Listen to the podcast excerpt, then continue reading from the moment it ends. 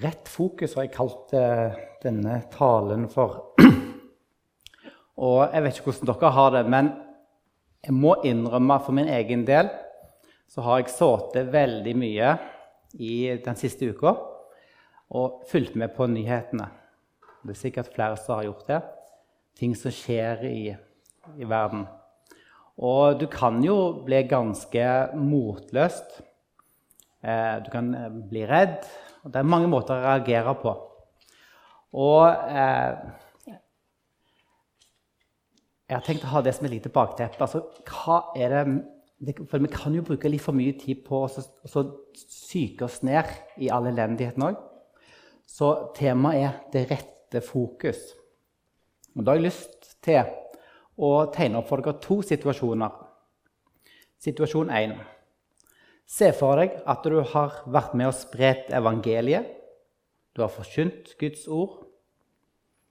Men så er du blitt anklaga for å være en forræder. En som fører folket vill, og nå står de klar til å drepe deg. Hvordan reagerer du?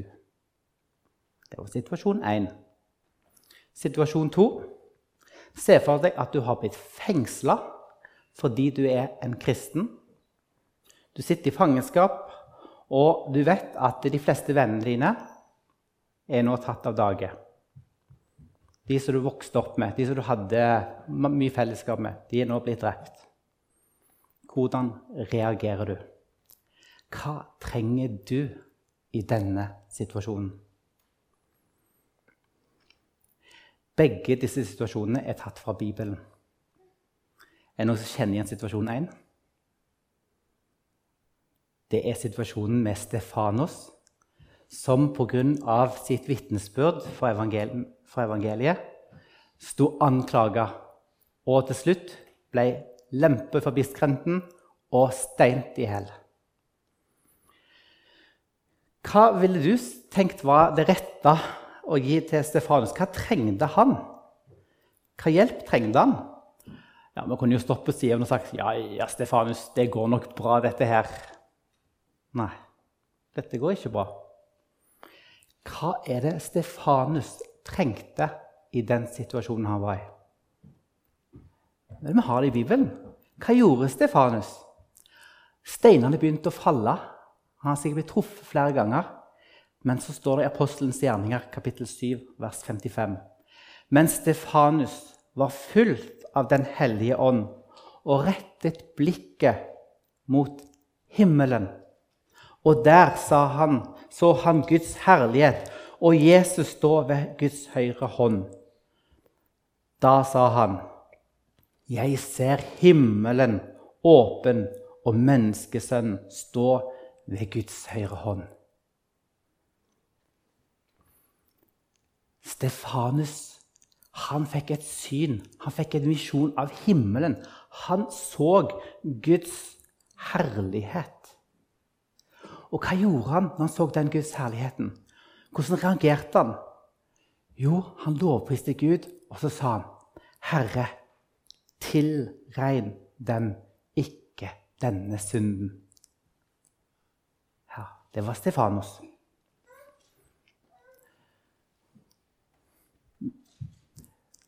Vi kan la oss prege av all elendigheten i verden.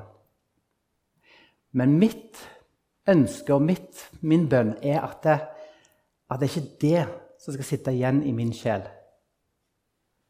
Men det er en visjon av Guds herlighet. Det er det vi trenger. Guds herlighet, den suverene Gud.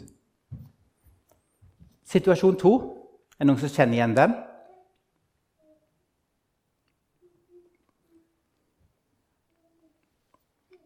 Sannsynligvis skjedde det i år 95 etter Kristus. Den situasjon to. Ja, Det er litt diskutert. Årstallet spiller ingen rolle. Men det var altså Johannes som satt på Patmos i fangenskap. Teologene er delt i to grupper. De som mener 95 pluss minus, og de som mener det var under keiser Nero. Men det spiller ingen rolle. Han var iallfall der pga. sitt vitnesbyrd fangenskap. Peter han var korsfesta opp ned allerede. Jakob var halshogd. Det var bare elendighet. Der satt han altså. Og i Johannes' åpenbaring Jeg sa til hjemme til, snakket med, noen, med Maria og noen hjemme. og Så sa jeg at ja, hva skal du tale om i morgen? Så sa jeg ja, jeg skal tale om en, en tekst fra Johannes' åpenbaring. Og så hørte jeg bare Wow, scary. Ja, det er mange som tenker sånn. Men Johannes' åpenbaring er jo skrevet nøyaktig for at vi ikke skal tenke sånn. Johannes' åpenbaring er skrevet inn i en situasjon der det var elendighet. De kristne var blitt forfulgt.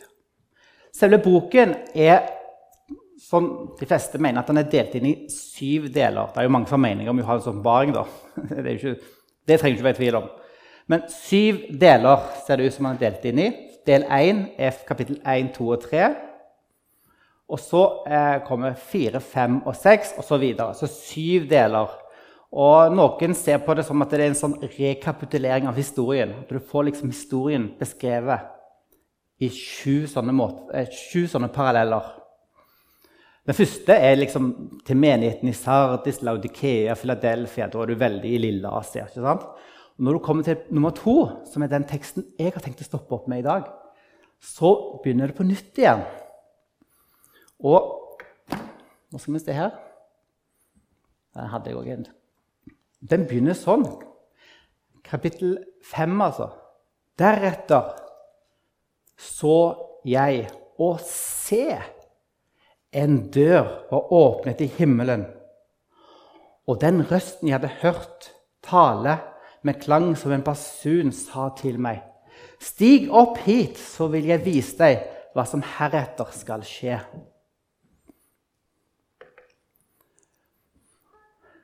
Det er litt sånn morsomt å se hva vi legger merke til når vi leser en sånn tekst. For det er nok en del som legger veldig merke til det siste. Hva som heretter skal skje. Og noen spekulerer i ja, nå kan vi jo se hva som skjer i verden. Putin, er det den nye antikrist? Gog, er det Russland? Sånne ting kan spekuleres i. Men jeg er ikke så sikker på om at vi treffer helt måten Johannes' åpenbaring er tenkt å bli lest på når vi driver på med disse spekulasjonene. Det du bør legge merke til, det er at Johannes, som Stefanos, i den situasjonen fikk akkurat det han trengte, og det vi trenger. Han fikk en visjon av himmelen. En himmelsk visjon. Jeg har lyst til å lese litt fra en annen bok for dere i dag. Er det noen som har lest den? Kirkelig, Den er til dere etterpå. Da kan dere låne av meg. Det, det, er altså åpne dører vi snakker om her. Den er gitt ut for noen år siden. det er typisk. Men han skriver om hvordan den lidende menighet har det. Og så litt ute i boka, side 382, så refererer han til en samtale han, han besøkte lidende kristne i Kina. Den samtalen gjorde veldig inntrykk på han. Og Jeg har tenkt å lese den for dere. Amerikansk pastor. Dette er en dialog. Nå skal jeg prøve å vise det. Nå er jeg amerikansk pastor, og nå er jeg kinesisk. Okay? De som hører på podkast, skjønner ingenting. Amerikansk pastor. Hvilken bok i Bibelen er den mest dyrebare for dere? Kinesisk pastor. Det er nok Johannes' åpenbaring. For oh, for det lidelsen deres får dere til å lengte at denne verden skal ta slutt, og at dere skal bli styrka, og at, at, det vil ende med at Jesus vinner. Det òg. Men vi ser på eh, Vi ser ikke på åpenbaringen bare som en beskrivelse av verdens ende. Den beskriver også verden her og nå. Amerikansk pastor. Nå forstår jeg ikke.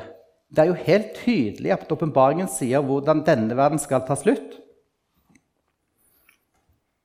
Og jeg sier at den også er en beskrivelse av verden her og nå, sier ikke Jesus pastor. Det har lidelsen vår vist oss her i Kina.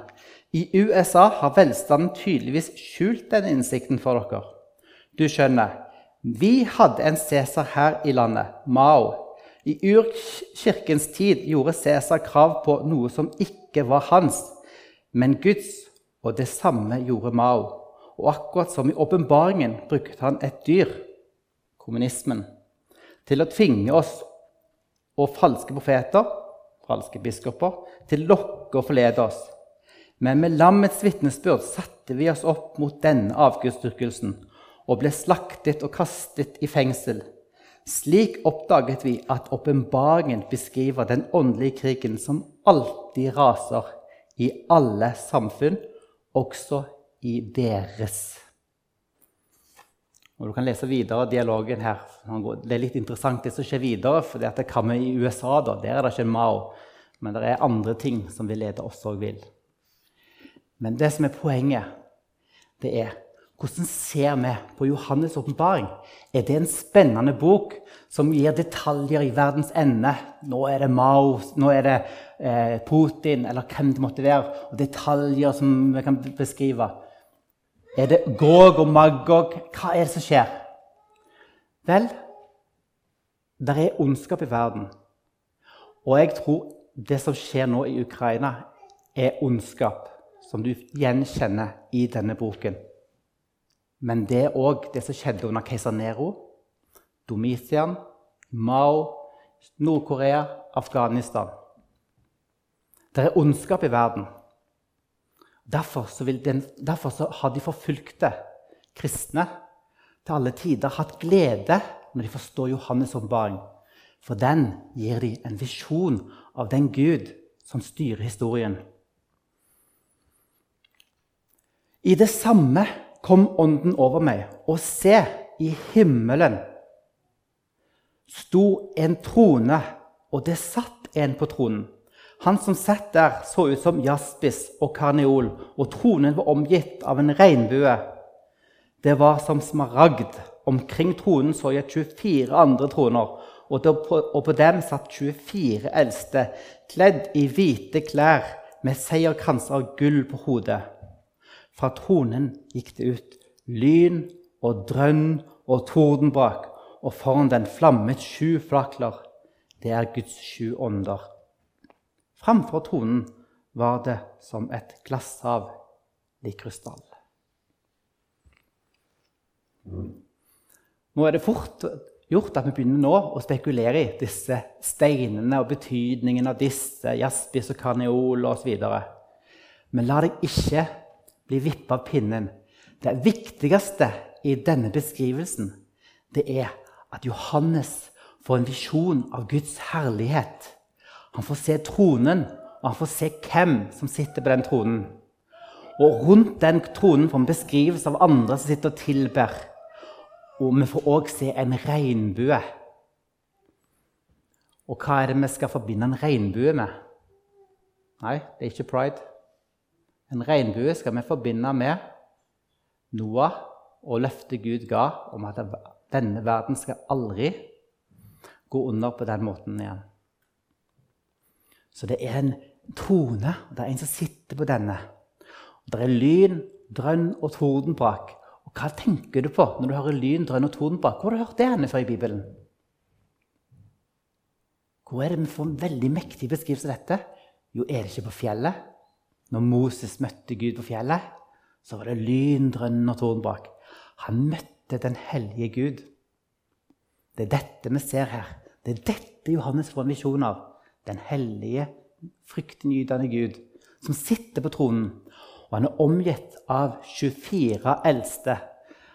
Og Her kan folk lure på hvorfor står det 24 eldste. Noen tenker at det har noe med de tolv stammene og tolv og de tolv eh, apostlene. Det ble vel 24 til sammen. Men kanskje det òg spiller på vaktskiftene til levittene, som var delt inn på 24. 24 dørvakter, 24 et, eh, som gjorde tjeneste eh, i tempelet, og eh, pre 24 prester. Eller kanskje det er begge deler, for det jeg vet. Vi er prester for Gud alle. Og er de representerer den universale kirke. I hvert fall poenget. Det er en på tronen. Og Vi får lese videre. Og, og i midten, rundt tronen, var det fire skapninger. De var dekket av øyne foran og bak. Den første skapningen lignet en løve, og den andre lignet en okse, og den tredje hadde ansiktet som et menneske, og den fjerde var lik en flygende ørn. Hver av de fire skapningene hadde seks vinger og var dekket av øyne overalt, også under vingene.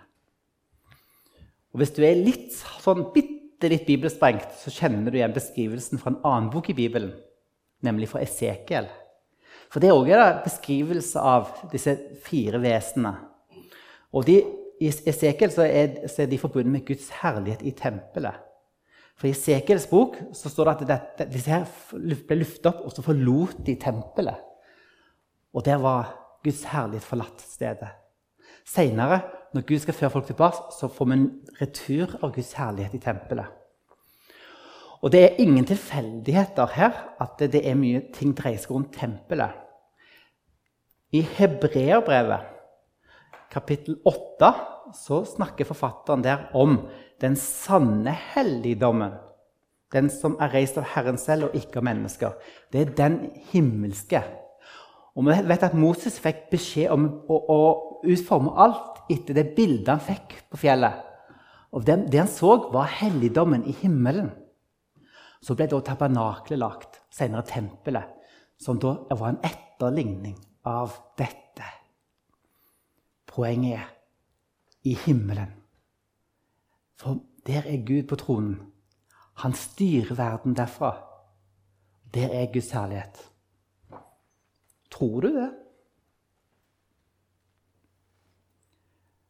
Det er litt sånn inn å si at vi, i Norge så er det veldig sånn, det er kult å være jordnær.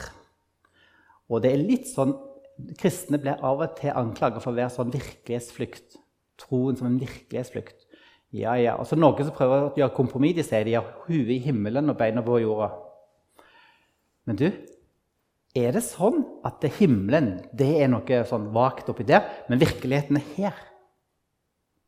Nei. Himmelen er virkelig. Dette er ikke bare på liksom. Der er en himmel. Der er en trone. Der er en som sitter på tronen. Og den lidende menighet, det de trenger, og det vi trenger, det alle kristne trenger, er en visjon av denne himmelen. Vi trenger å se Gud, den fryktdydende, hellige Gud i all sin herlighet. Vi trenger å få det rette fokus og ha ting i det rette perspektivet. Nå skal jeg ikke gå inn på alle detaljene her. For hvis jeg begynner på det, så blir det fort litt spekulasjoner. og Da plutselig mister vi fokuset. Men det Johannes vil du skal sitte igjen med, det er nettopp dette den hellige Gud i himmelen. Natt og dag, står der. Natt og dag roper de uten stans.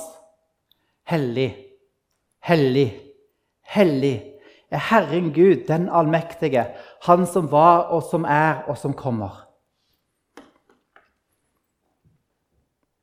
Hvor har dere hørt 'hellig, hellig, hellig' før? henne? Ja, det dere husker Når Jesaja ble kalt til profet, så skjedde noe lignende. Men det som står der, det er nesten det samme, men ikke helt. Der står Jesaja, der sang de Hellig, hellig, hellig er Herren Sebaot, altså herskernes herre. Hele jorden er fullt av hans herlighet. Hva gjorde Jesaja da han hørte dette? Han han bare datt i sammen og sa det er ute med meg. For jeg er en synder, og jeg lever blant et syndig folk.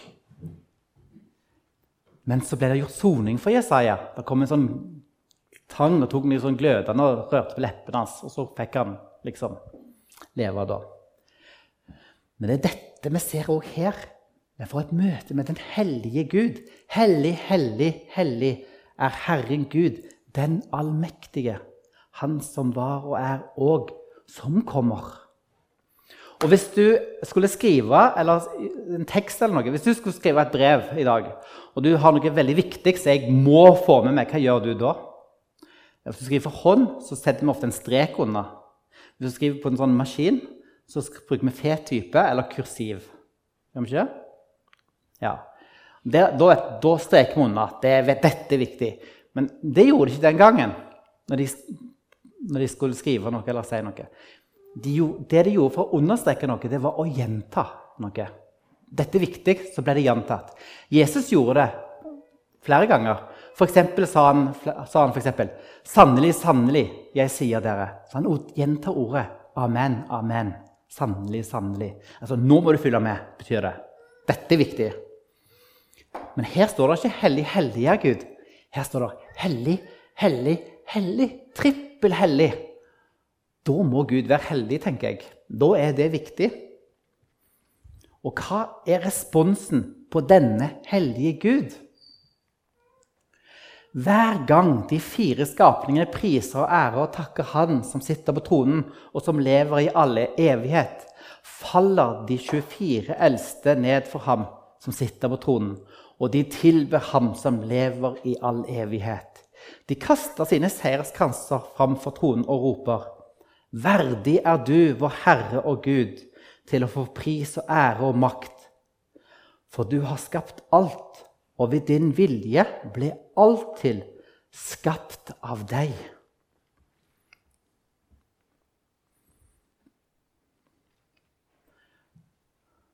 Det er litt morsomt å se da, disse her 24 eldste. vet ikke om du la merke til, hvordan, hvordan, Hva for en positur hadde de når de var i himmelen før dette skjedde?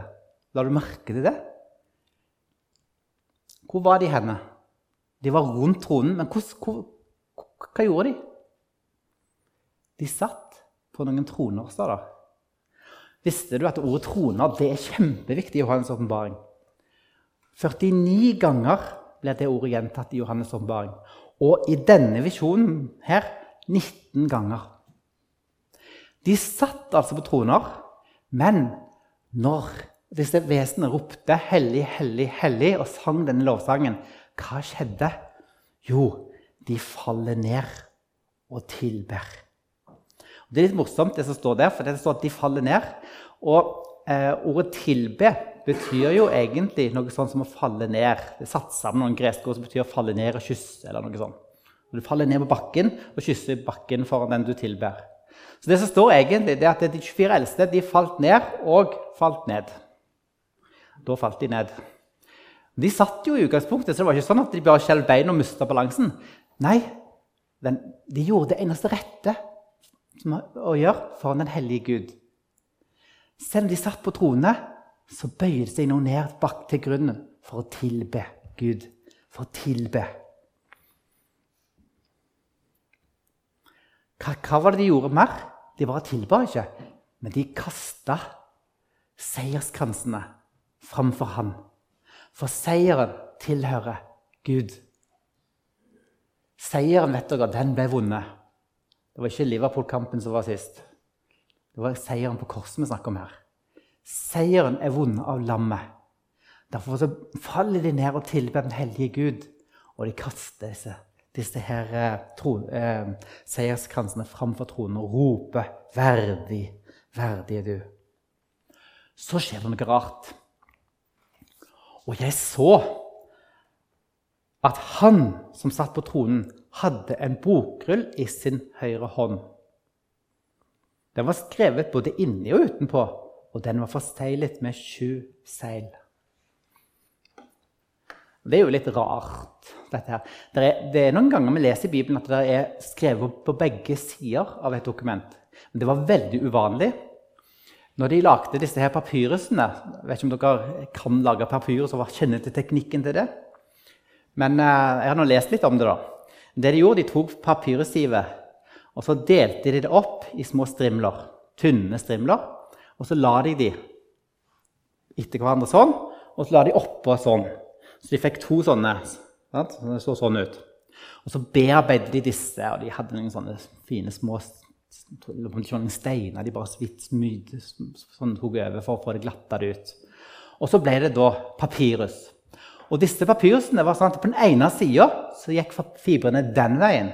Og på den andre sida gikk fibrene den veien. Og Hvilken side tror dere de skrev på? De skrev selvfølgelig på den som gikk horisontalt. Og Det, det kalte altså for recto, den sida. Den rette siden. Mens den andre sida det var bare unntaksvis at de skrev ting der. Det var så verso. Eh, typisk adresse til brev skrev de på den andre sida. Når de bretta de sammen, så kom adressen der. der. Så sendte de et brev av gårde. Eh, og disse bokrullene var jo satt sammen av sånne lange pergamenter. Da. Så er det limt sammen. De lagde ark, og så klarte de å lime de godt sammen. Da. Så skrev de sånn. Og eh, Da skrev de altså bare normalt på én side. Men her får Johannes se en bokrull, og det var ikke skrevet bare på den ene siden, men på begge sider. Vil si at han kunne lese noe på utsiden av bokrullen. Men han kunne ikke lese alt som sto på utsiden. Dere skjønner at det, En bokrull da har du rullet sammen. ikke sant? Så det får satt seil på. Da kan du bare lese på den første runden i beste fall. ikke sant? Så det er litt sånn spekulasjoner, da. Men bare tenk litt på dette. Det var vanlig at de skrev på utsiden av en sånn rull hvis det var et juridisk dokument. Og hva skrev de på baksiden, altså den som du så de hadde forsegla? Jo, det var et, en oppsummering eller et resymé av hva som sto inni. Jeg ser for meg at Johannes nå Kanskje jeg tar feil, men jeg ser for meg han får se denne rullen, og så klarer han å lese hva som står på utsiden der. Og hva gjør Johannes da? Jo, først så hører han noen rope. Da så jeg en mektig engel som ropte med høy røst. Hvem er verdig til å åpne boken og bryte seilene? Men verken i himmelen eller på jorden eller under jorden var det noen som kunne åpne boken eller se i den. Da gråt jeg sårt fordi ingen var funnet verdig til å åpne boken eller se i den. Jeg ser for meg at det er litt sånn som i dag. Hvis du følger med på nyhetene, så får du se historiens gang. Du får ikke hele bildet. Du får bare noen punkter av elendigheten. Men hvem er verdig til å åpne seilene? Vel, de så ingen, men jo da. Gråt ikke. Men en av de eldste sa til meg, gråt ikke, for løven av Judas stamme, Davids eh, rotskudd, rotskudd, har seiret og kan åpne boken og de sju steilene. Løven av Juda. Nå er vi Judas stamme. Hvem er det som kommer fra Judas stamme? Det var jo et løfte om at Messias skulle komme fra Judas stamme. Dette er Jesus. Davids rotskudd har seiret og kan åpne boken og de sju seilene. Hvem er det som kan åpne seilene i utgangspunktet? Vanligvis var det sånn at Når du seiler, forsegla noe, så var det den som hadde skrevet det, hadde rett til å åpne det, eller den som skulle få det. Her er det bare én som er verdig til å åpne det. Det er historiens herre. Det er Jesus. Han er verdig til å bryte seilene og lese innholdet i boken. Det betyr det er han som er den suverene herre. Ting ser elendig ut, men det er én som har kontrollen. Det er én som du er trygg hos, og det er han som blir beskrevet her som løven av Judas. Og så ser du noe rart her, for det står Og jeg så et lam som sto midt på tronen. Det var ikke en løve vi snakket om nettopp. Nå er det plutselig et lam. Mellom de fire skapningene og i kretsen av de eldste. Og det så ut som lammet var slaktet. Det hadde sju horn, sju øyne, og øynene er Guds sju ånder som er sendt ut over hele jorden. Lammet, var det slakta? Det var jo ofra for vår skyld. Så dette lammet så ut som det var slakta. Jesus hadde virkelig gitt ofra seg for vår skyld. Men han har jo stått opp igjen òg. Men vi vet jo at naglemarken og sår i sida har han fremdeles synlig som et tegn på det han har gjort for oss. Hva sa han til Thomas? 'Kom og ta meg i siden. Kom og kjenn.' Det er han som har dødd på korset. Det er lammet. Det er også litt morsomt å legge merke til at det, flere ganger i Johans oppbaring så er det sånn at det så ut som. For ting ser ut som, men så er det ikke alltid sånn som det ser ut som. Det kan se ut som at ondskapen regjerer i verden. Det kan se ut som den onde har makten, men han har ikke det. Han har ikke det, For det er bare én som er verdig til å åpne seilene. Det er bare én som er, seierens, som er historiens herre. Lammet kom og tok imot bokrullen fra den høyre hånden til ham som satt på tronen. Da det tok boken, falt de fire skapningene og de 24 eldste ned for lammet. Hver av dem, hadde en hver av dem hadde en harpe og gullskåler full av røkelse. Det er de helliges bønner.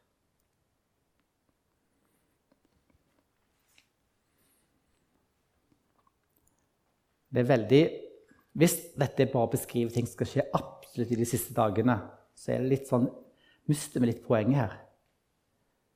Fordi at det, våre bønner blir båret fram for Gud hver dag. Det hjelper å be.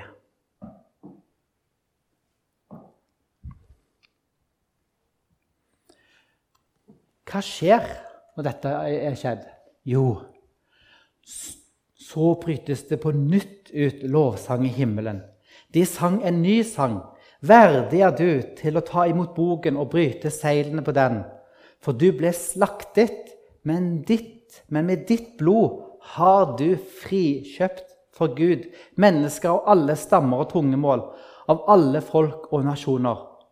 Du har gjort dem til kongerike og til prester for vår Gud, og de skal herske som konger på jorden. Men det er ikke bare de himmelske vesenene som bryter ut lovsang. Åh, tenk oss å få en visjon av dette. Og jeg så Litt liten tekst, men jeg skal lese det. Og jeg så, og jeg hørte lyden av mange engler omkring tronen og de fire skapningene og de eldste. Det var myriader på myriader og tusener på tusener, og de ropte med høy røst. Verdig er lammet som ble slaktet verdig til å få all makt og rikdom, visdom og styrke, ære, pris og takk. Og hver skapningen i himmelen og på jorden og under jorden og på havet, ja, alt som finnes i dem, hørte jeg si, Han som sitter på tronen, ham og lammet være takk og ære, pris og makt i all evighet. De fire skapningene svarte amen, og de eldste kastet seg ned og tilba.